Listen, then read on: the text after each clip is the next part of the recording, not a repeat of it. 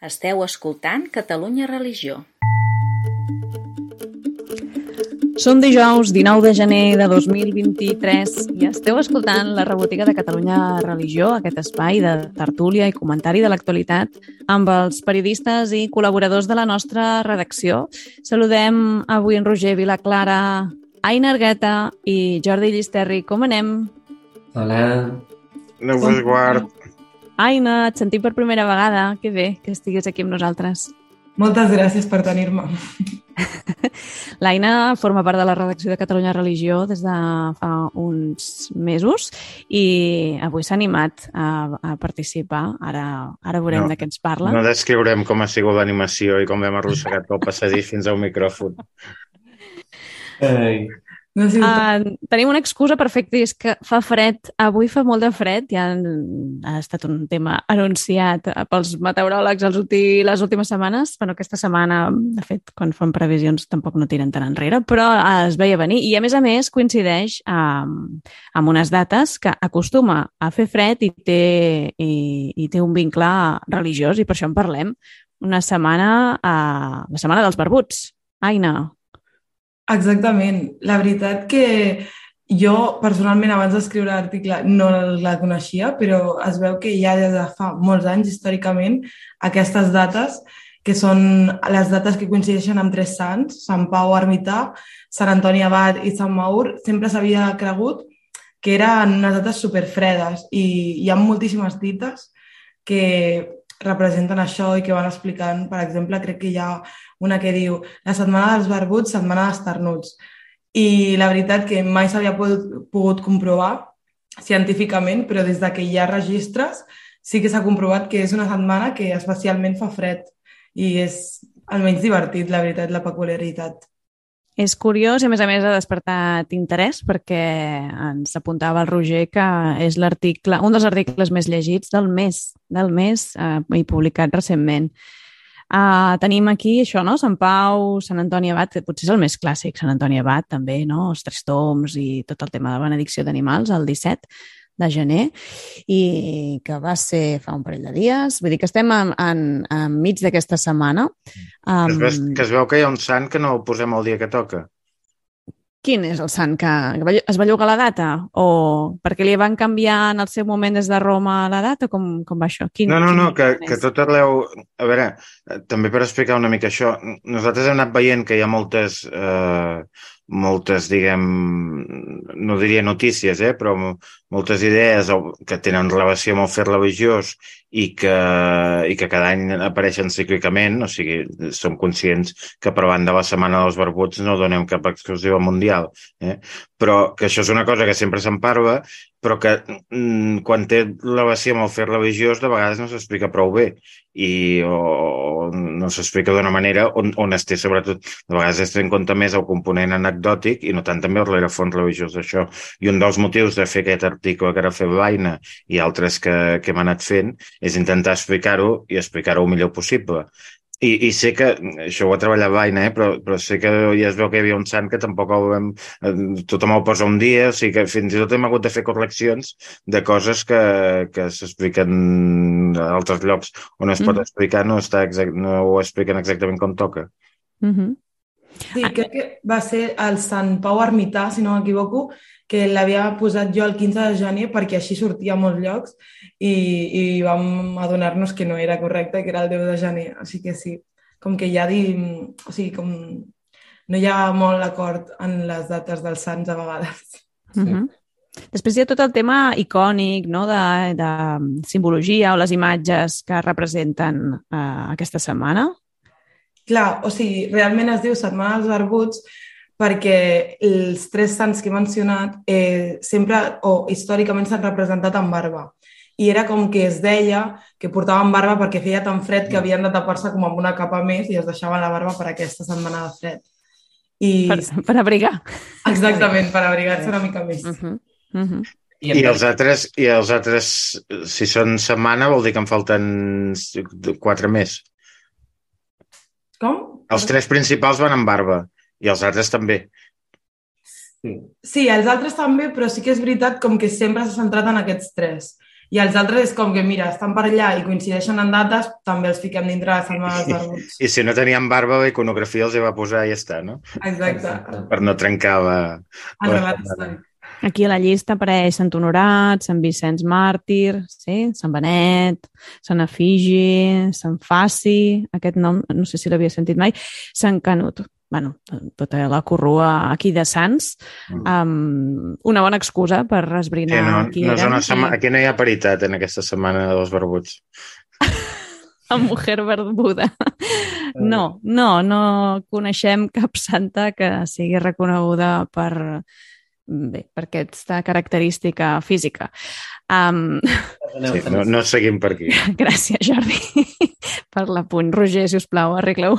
Sí, no, que també volia dir que és curiós eh, que realment, sigui, bueno, això, l'Aina també, que quan l'Aina va escriure l'article, que és, realment és de fa uns dies, la setmana aquesta dels barbuts no semblava que anés a ser tan freda. Realment les prediccions no, no eren aquestes i realment l'article tenia escrit que segurament no seria una setmana dels barbuts molt freda i hem hagut, o sigui, això farà dos o tres dies, vam, vam canviar perquè vam dir, ostres, ara les, les prediccions han canviat i realment sí que serà la setmana dels barbuts. Vull dir que també és curiós perquè l'article és un article que l'anem actualitzant.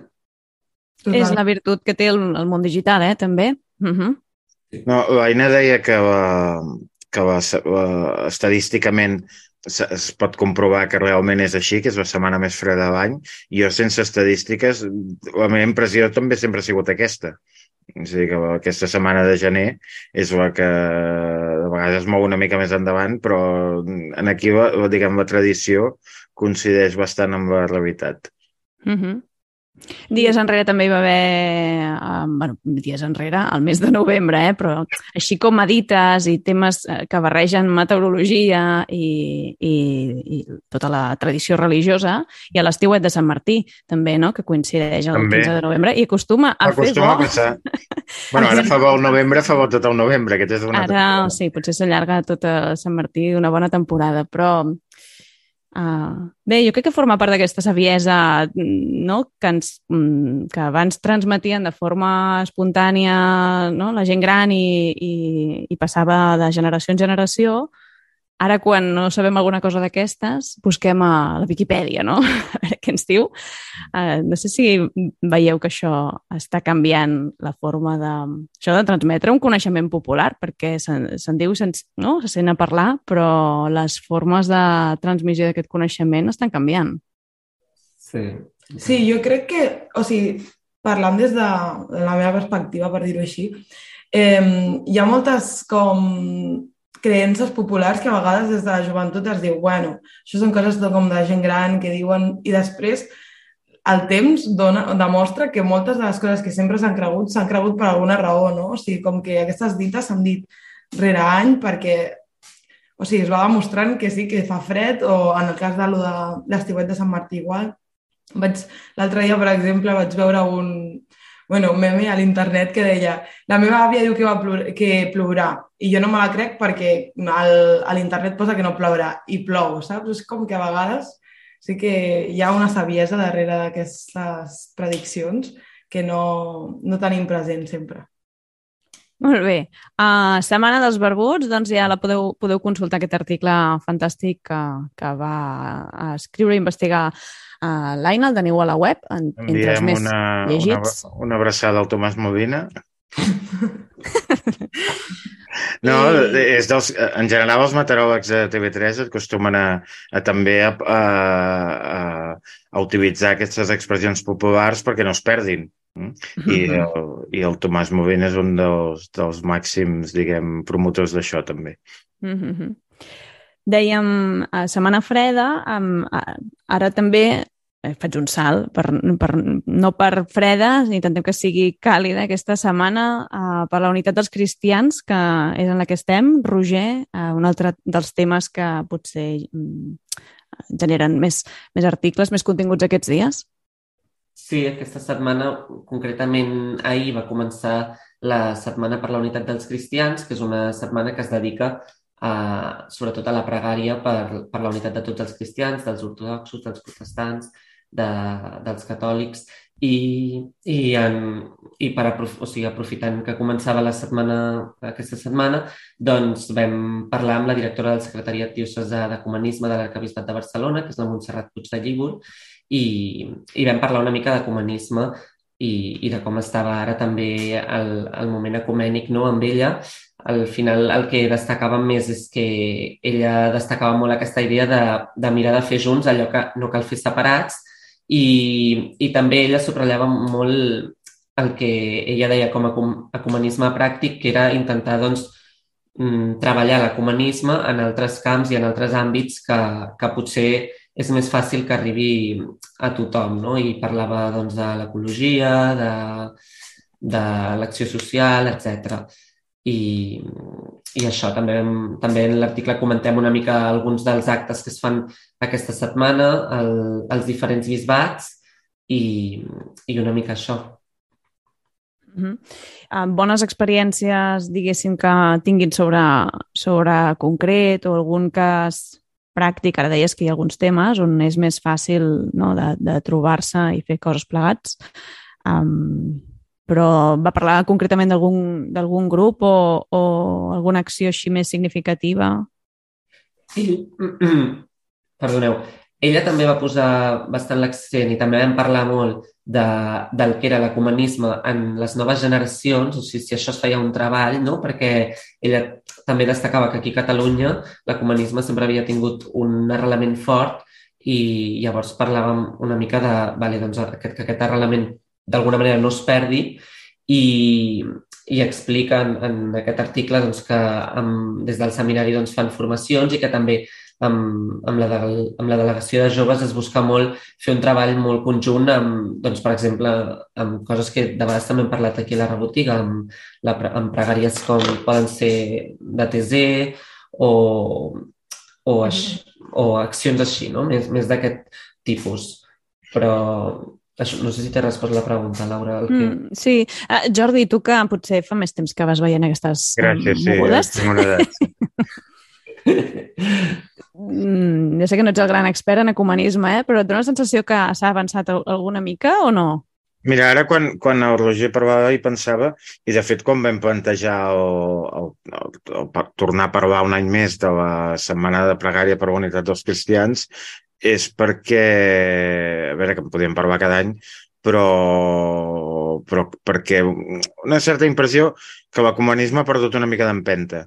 És a dir, jo, i ara sí que parlaré d'abans, eh, recordo com un dels temes més més, diguem, amb l'agenda de, de l'activitat eh, eclesial, el, el tema de l'ecumenisme, i que ara, bueno, doncs, tampoc és que hi hagi cap problema ni que ens, ni que ens paguem pel carrer catòlics, protestants i, musulm, i, i ortodoxes, eh? però mm, com una cosa ja que es dona que ja per feta o que ja hem arribat on havíem d'arribar. I, de fet, amb una impressió de que sí, el tema organitzatiu en el qual, jeràrquic, en el qual evidentment no hi ha acord, i el tema, i, i a nivell més doctrinal, doncs hi ha qüestions més de temes, diguem, més vinculades a la moral, però que amb la resta, escolta, al final tots creiem en el mateix Déu nostre Senyor i en Jesucrist i que, pues, endavant i ja està.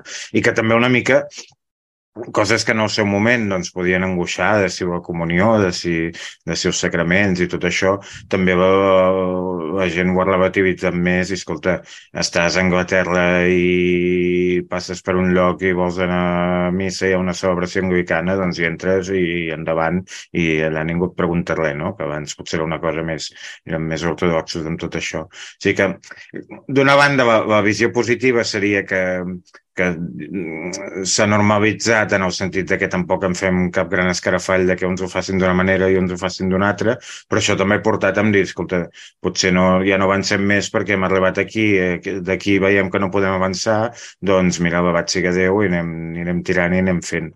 I després, sí, Catalunya, això ho explica l'article, hi ha hagut mm. sempre un gran moviment ecumènic i potser ara estem en un, en un moment en què no hi ha aquest gran moviment a nivell públic o a nivell de, de, de, de preocupacions centrals, però estem en un ecumenisme més pràctic en el sentit d'escolta, quan anem a fer una cosa, si, si, si, diguem, si, si és de Déu i és, per, i és bo, doncs ho tirem endavant sense demanar el carnet de, de confessionalitat a ningú. Mm que no, no cal fer tants preàmbuls, no, diguéssim, i que i potser, um, clar, també aquest gran moviment que descrius mm, potser va venir no, com a resposta a un concili Vaticà II, no? que també era un dels grans ítems i així de, de, de proposta tren, no sé dir trencadora, eh? però de, de, com una necessitat i de posar-la molt en, en, en un subratllat, no? I, i la gent va fer, diguéssim, la feina. Mm. No, però fins i tot, perdona, Laura, a nivell més jeràrquic, eh? Per mm. exemple, la, la primera trobada de Pau VI amb el patriarca de Constantinople, ara potser m'equivocaré de memòria, Tanàgores, eh, que va ser finals dels 60, eh, aquella foto és una foto històrica i en aquell moment va ser gairebé una revolució que un papa catòlic es trobés amb un, amb un patriarca ortodox.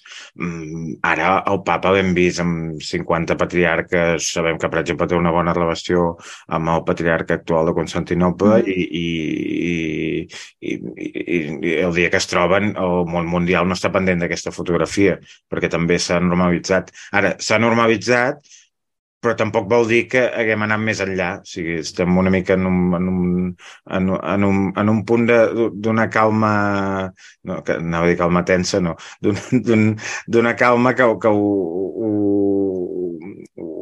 ho, ho, diguem, ho, ho encalla o, o, o atura una mica tot. O sigui, estem, estem en un cert punt mort. Eh? Això és l'expressió que no sortia. Estem en un cert, en un cert punt bueno, potser, mort, o, o, que no vol que estiguem barallats. No, donant-hi un tom potser seria més que es pot viure amb, amb més naturalitat, no? I més, més normalitzat i sense tants eh, prejudicis. És a dir, que hi ha unes generacions que hi ha coses que ja no, no se les plantegen, no? que puguin ser... Uh, això que deies, no? o normatiu o no normatiu, mira, doncs ho vivim i ja està, no? No fem tanta, tanta història. Molt bé, doncs setmana per la unitat dels, dels cristians, setmana de pregària. Octavari. Octavari. Som... Sí, això, ens, sí. això ens ho explicarà el Roger. Ja, sí? Bueno, perquè és cert, Laura, que tenim aquesta curiositat perquè, o sigui, a tot arreu i els bisbats també parlen de setmana per la unitat dels cristians, però és veritat que si fóssim estrictes hauríem de parlar d'octavari perquè... Va de, de diumenge a diumenge, no? O... Exacte, si va de dimecres a dimecres. Per tant, són... Ah, de dimecres a dimecres, mira. Sí, sí perquè el que marca el dia és el santoral, no és el dia de setmana. D'acord. Exacte. Però molt bé, molt bé. per seguir dient setmana entenem que és així com ho deien tots els bisbats de Catalunya. De fet, quan jo era jove es deia octavari. L'únic que van, potser van, és un nom que potser no agradava i s'ha convertit en setmana.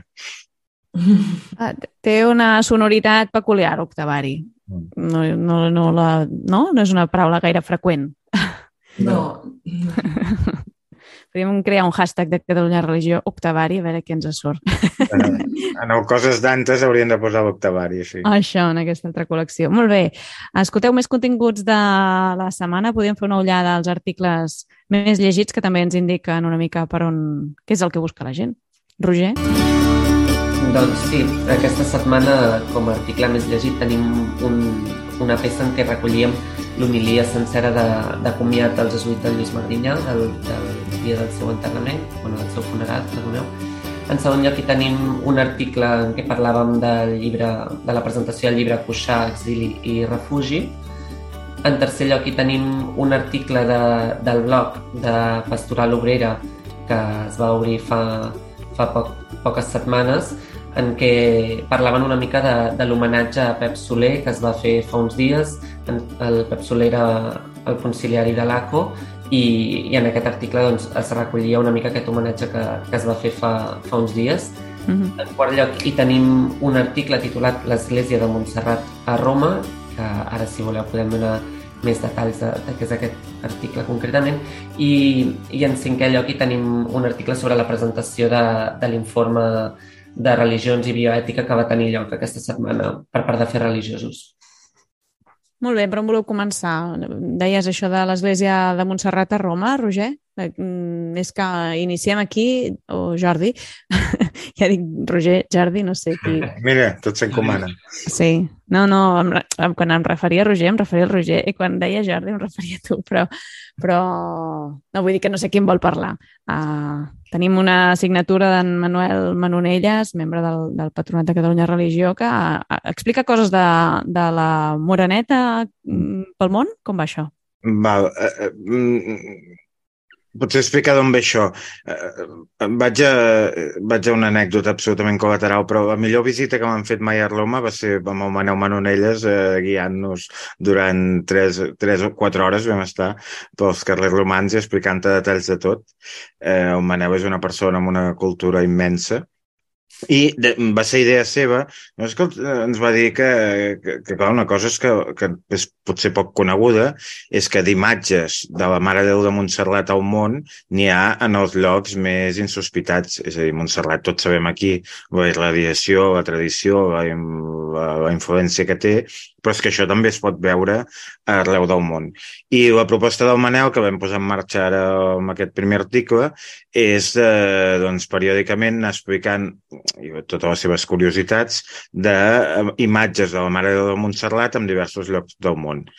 Uh, a, més, en aquest cas, és la primera vegada que fem una cosa, que és que els articles d'aquests que ens anirà fent el Manel els posarem primer a l'edició paper, és a dir, la gent que ha, anat, que ha trobat l'edició paper a la seva parròquia, a la seva comunitat, o els donants que l'han rebut a casa, o la gent que, que el pot veure, doncs l'han pogut llegir amb l'edició paper i després al cap d'uns dies o d'unes setmanes doncs el publiquem en la versió digital. Per això això que va sortir en el número paper de Nadal doncs ara ho hem posat a la web i ara ja tenim, que no avançaré el tema eh, doncs la propera Mare de Déu de Montserrat en un lloc també singular i una cosa que desconeixia totalment no, no, no continuo per mantenir la incògnita doncs amb la propera edició paper eh, serà quan, quan es podrà llegir doncs, aquesta, aquesta segona entrega i més endavant ja, ja ho posarem a la, a la web.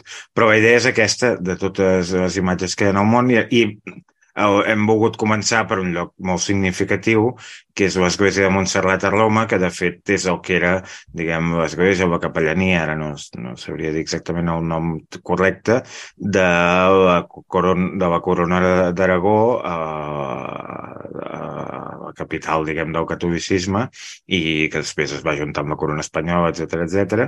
però allà és on hi ha una de les imatges, diguem, amb més, amb més projecció també mundial, doncs, a la Mare de Montserrat.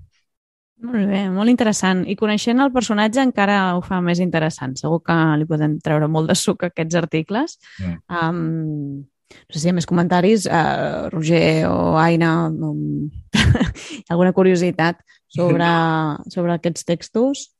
A veure, a mi, a mi em sembla, o sigui, em va semblar molt interessant perquè realment jo desconeixia que la imatge de Montserrat estigués a, a molts altres llocs del món o, o a altres llocs i a més a més que mm, també com a curiositat que a partir d'aquest article també ens ha arribat algun correu de, d'algú posant-se en contacte amb nosaltres Mm. com per investigar una altra imatge de Montserrat a un altre lloc del món. Vull dir que -huh. algo que també això m'ha cridat l'atenció de, ostres, eh, és, és algo que, que genera curiositat i que, i que la gent té ganes de saber, no? O sigui que és interessant perquè és veritat que aquí a Montserrat, o sigui, aquí a Catalunya, la imatge de Montserrat també és com... Bueno, al final és molt nostra i llavors doncs, això també genera molta curiositat, realment. Crec recordar que a Montserrat, no sé si a l'hostatgeria, hi ha un mapa amb allò amb, un, amb unes xinxetes, diguem, on està marcat llocs que porten el nom de Montserrat.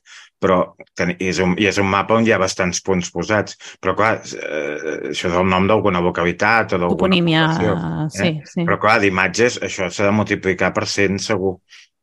Bueno, és que fa, hi ha fins i tot una illa al Carib que es diu Montserrat, o sigui, Mm. que ha arribat molt lluny el nom i la figura. Això ens agrada molt als catalans, eh? De, Sí. de veure... El món ens mira, sí. Això agrada molt, sí.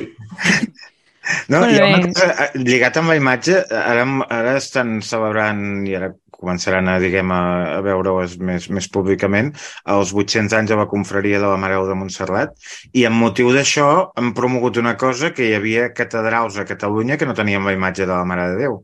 O sigui, a les catedrals normalment hi ha un, no hi ha un únic sant, sinó que hi ha la presentació doncs, dels sants que poden tenir més arrelament o més, o més pietat o més devoció i, i ara em sembla que eren dues que ningú, no sé, estem parlant de, de, de centenars d'anys i ningú havia pensat que allà potser hi hauria de, una imatge de la patrona de Catalunya. I ara doncs ho, en, ho, vam, bueno, va, ho vam treure a Catalunya Religió, em sembla que era Girona una i, i em sembla que altra catedral on, on no hi havia, no, no hi era. I per tant, doncs ara, finalment, ara sí que podem dir que ara que estem buscant les imatges de Montserrat al món, podem dir que totes les catedrals de Catalunya tenen una imatge de la, de la Mare de Déu de Montserrat. Molt bé, doncs teniu al web aquest article, l'Església de Montserrat a Roma, que inicia tot un cicle col·lecció d'articles de la presència de, de Montserrat en el món i... No, si en publiquem cinc a l'any, que són els que les edicions de paper que tenim, potser d'aquí 30 anys haurem acabat la sèrie. Com el centenari de Catalunya Religió encara estarem traient imatges. Centenari, que animal. Uh, va, seguim. Uh, jo ho un... penso veure. Molt bé, doncs em sembla fantàstic i t'animaré a que ho vegis. Um, deies, uh, Roger, també entre els articles més llegits i com a acte així d'actualitat més de la setmana, uh, la presentació d'aquest informe no?, que ha fet, uh, que ha encarregat la Direcció General d'Afers Religiosos al filòsof Francesc Torralba, que, que en temes de bioètica uh, doncs, uh, té una coneguda trajectòria, a més a més forma part de molts comitès de bioètica, està a la pràctica en el dia a dia, diguéssim, de, a ajudar a assessorar, a pensar no? aquestes situacions de vida i de mort i de malaltia no? que impliquen doncs, un dilema moral o, o que hi ha diverses visions i és important doncs, que la, la visió de les tradicions religioses sigui present. Bueno, això per dir que l'informe es titula um, Implicacions religioses i de consciència en les qüestions bioètiques més rellevants en el debat actual a escala internacional. Sí, un títol, títol breu, sí. títol breu no ho és, però sí que fa una mica la, la foto de, de quin és l'abast de l'informe. Estem parlant d'un llibret que està, mm, està disponible en PDF, em sembla que el tenim enllaçat també a l'article, per tant, si algú hi té interès pot anar a la web i, i trobarà aquest document que al final doncs, és, no? Una recopil un recopilatori de, de temes importants no? de, a nivell de definició del concepte, no? de, de què estem parlant quan parlem de bioètica, passant per què diuen cadascuna de les tradicions religioses de, de diferents qüestions. No? Mm, vau ser a l'acte, Jordi, Roger, impressions o temes que vulgueu comentar? Eh, començo, Jordi? Bueno, a mi, a mi o sigui, vam ser l'acte el Jordi i jo i realment em, em, em va semblar molt interessant perquè és cert que potser dic una obvietat, però la taula rodona mm, potser, o sigui, de, de vegades passa que potser es centra molt en parlar com del, del que s'està presentant concretament. Jo potser esperava que es parlés molt de, del que es diu a l'informe concretament, etc. no? I vaig tenir la sensació que la taula rodona va obrir com molts debats que jo potser no em plantejava que potser s'obririen en, en, en la taula rodona. Per tant, això em, em va semblar com molt interessant que no es parlés directament de l'informe, sinó de, a partir de l'informe aquells debats que s'obrien potser i, i realment, no ho sé, o sigui, és que se'm van quedar com moltes idees al cap i, i, i com molts debats que també es van quedar dintre, diguéssim, però, però no ho sé, o sigui, sobretot el que al final que també destacàvem en l'article, en el titular, no? que doncs això, no? que en la, la bioètica ens trobem preguntes molt noves per religions mil·lenàries, doncs també mm, bueno, és una que jo crec que es, va, que es va destacar molt durant l'acte i que també, a més a més, doncs, després es va destacar temes com el diàleg o com els reptes de futur que també engloben això, no? el fet de obrir-se una mica al diàleg i a la diversitat i que al final doncs, també la dificultat aquesta de doncs, que al final hi ha moltes religions, moltes mm, creences i, i, i s'ha de prendre una decisió, potser, no? en, en mm -hmm. termes com, per exemple, el de la bioètica, i que això és molt difícil, però també el Francesc Torralba deia no? que potser si, tot, si tothom opinés de la mateixa manera o si aquestes opinions no estiguessin representades eh, en la bioètica, doncs potser seria molt més fàcil trobar una, una solució però que no seria representativa de la societat. No? I per això i també destacava doncs, la importància d'aquest document de és un document que recull moltes creences diferents i que potser això dificulta poder arribar a consensos, per dir-ho d'alguna manera, però que és important perquè això eh, ajuda a representar la societat i ajuda a trobar una conclusió que sigui molt més representativa. Mm -hmm. A mi em van cridar l'atenció dues coses. El document no ho he llegit a fons, o, o vaig fullejar i és d'aquells documents que t'has de sentar a llegir i, és de, i queda pendent, però uh, de, de l'esquema i d'una mica les, les idees que, que veus transversalment, uh, una part molt interessant és de que, o, uh, que és la part fins i tot més extensa, de cada una de les principals tradicions religioses fa un cert anàlisi o presentació de quins són els punts de partida i algunes concrecions amb l'àmbit, amb tot el que afecta l'àmbit bioètic.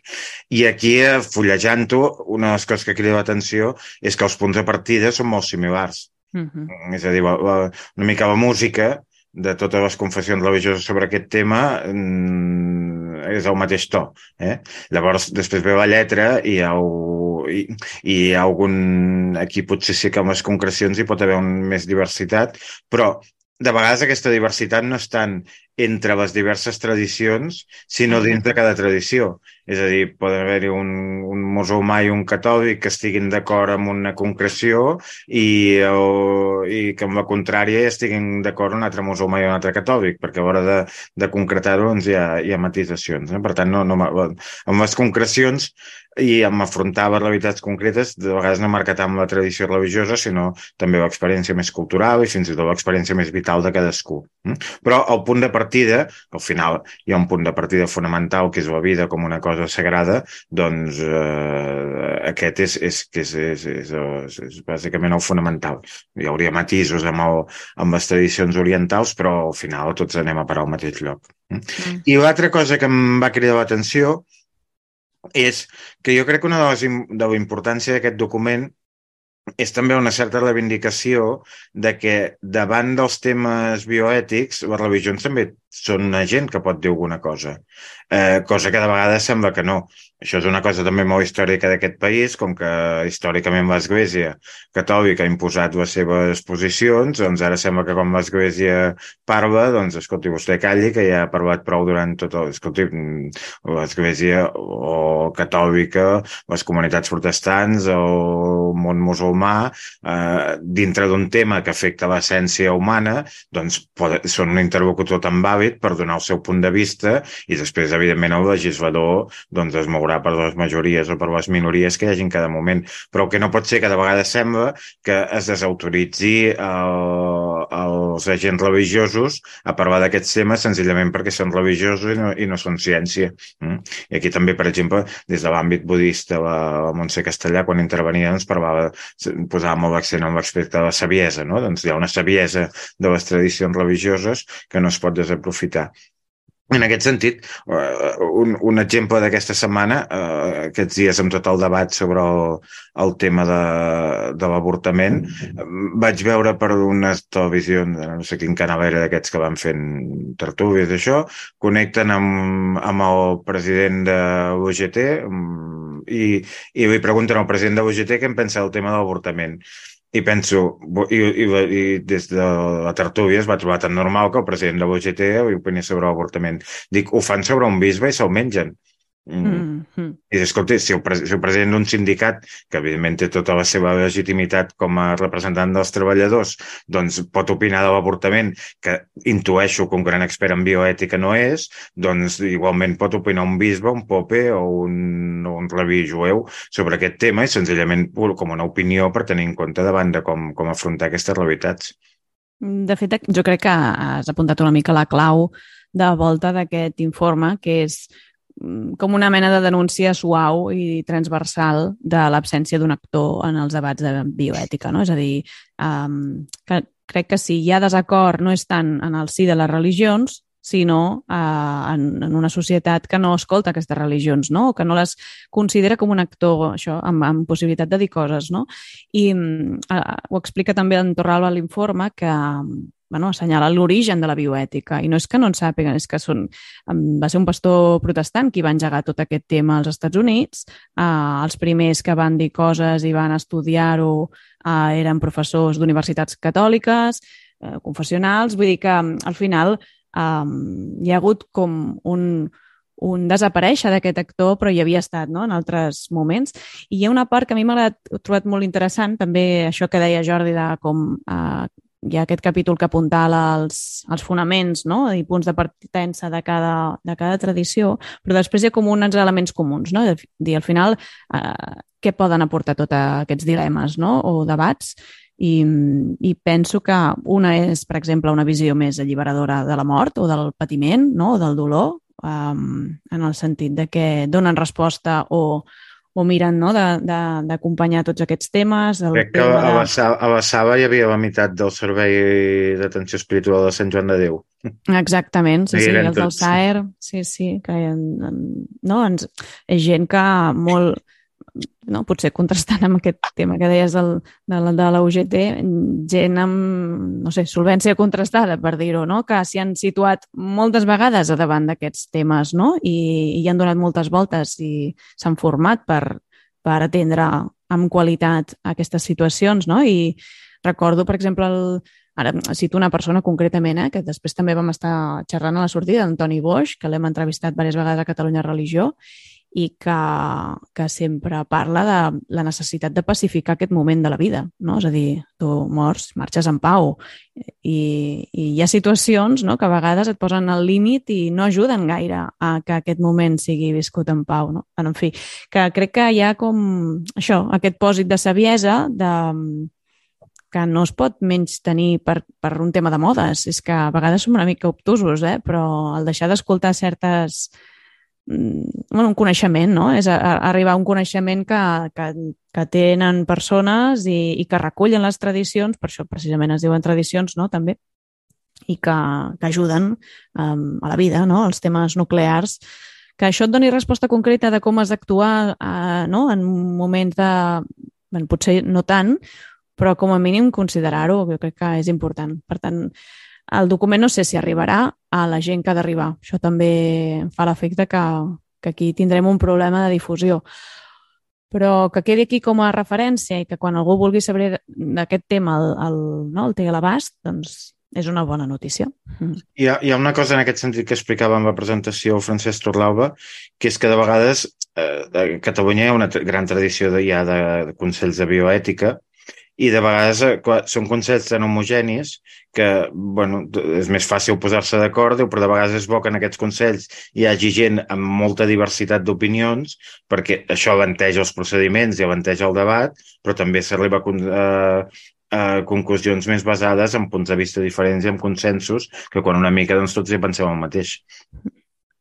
Fins I les tradicions religioses poden ser un d'aquests agents que porten alguna cosa que potser gent de l'àmbit més procedent de l'àmbit més mèdic o científic doncs potser es miraran d'una altra manera però que mm. tenir aquest punt de vista a l'hora de prendre determinades decisions o dictàmens eh, al, al final el que ajuda és a millorar aquesta decisió o a madurar-la més de fons hi ha el tema de la consciència, no? també de ser conscients de, de, què, de què estem parlant mm. i, i això que deies de mirar-s'ho d'una altra manera, sí, suposo que, que ajuda a tenir més punts de vista, eh? Uh, tot plegat. Mm. Entenc que és un altre tema, eh? I no surt en aquest informe i potser mereixeria un altre, que és tot aquest tema d'objecció de consciència dels professionals sanitaris, que també és un tema que està en debat i que caldria doncs, també potser tornar-hi a donar una volta de debat públic sobre, sobre tot això.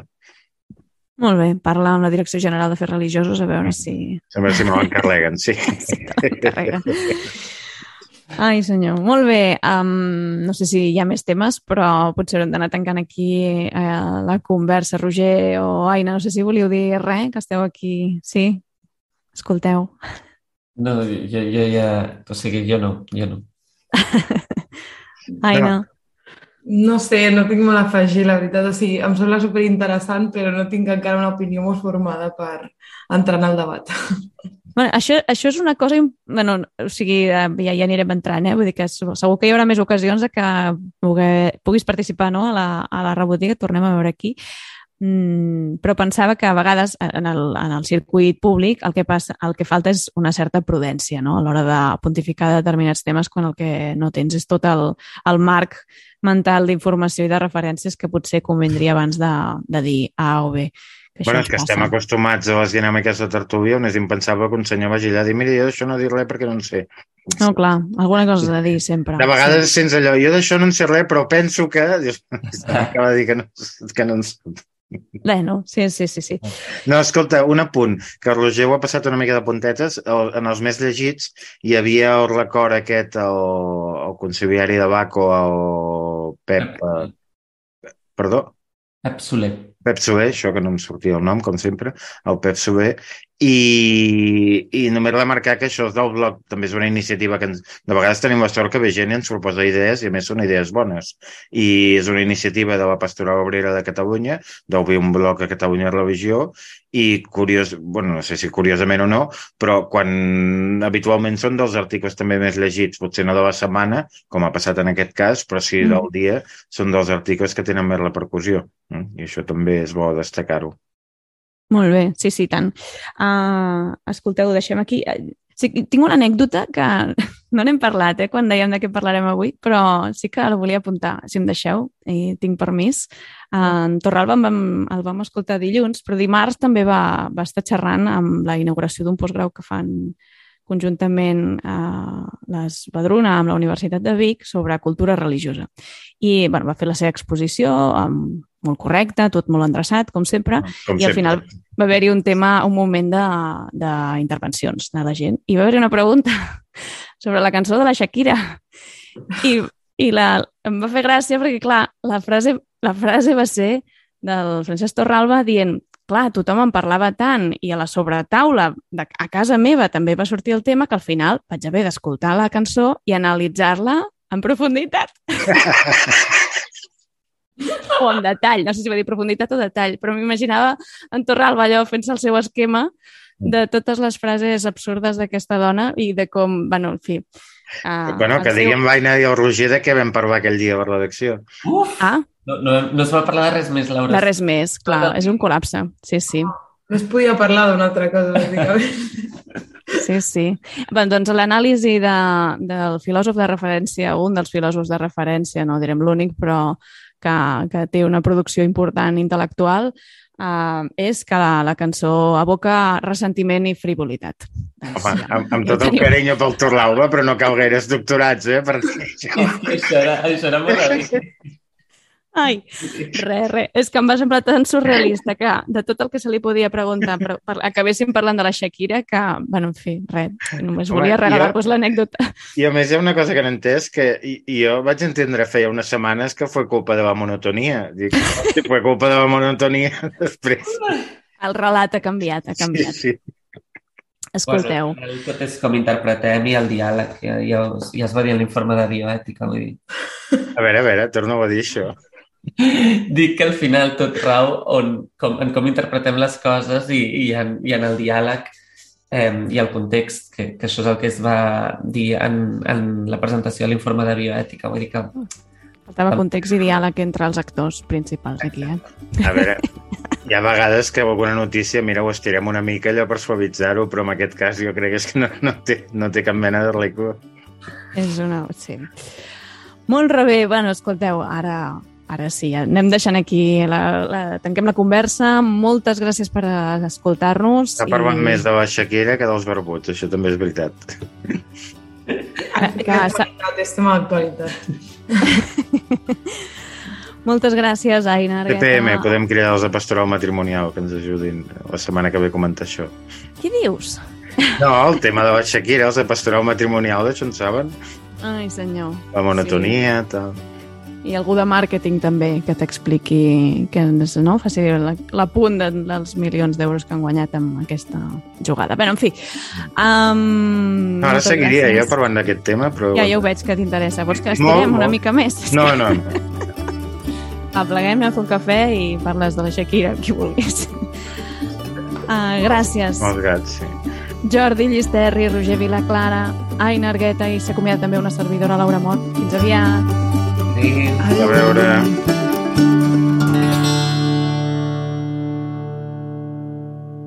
Catalunya Religió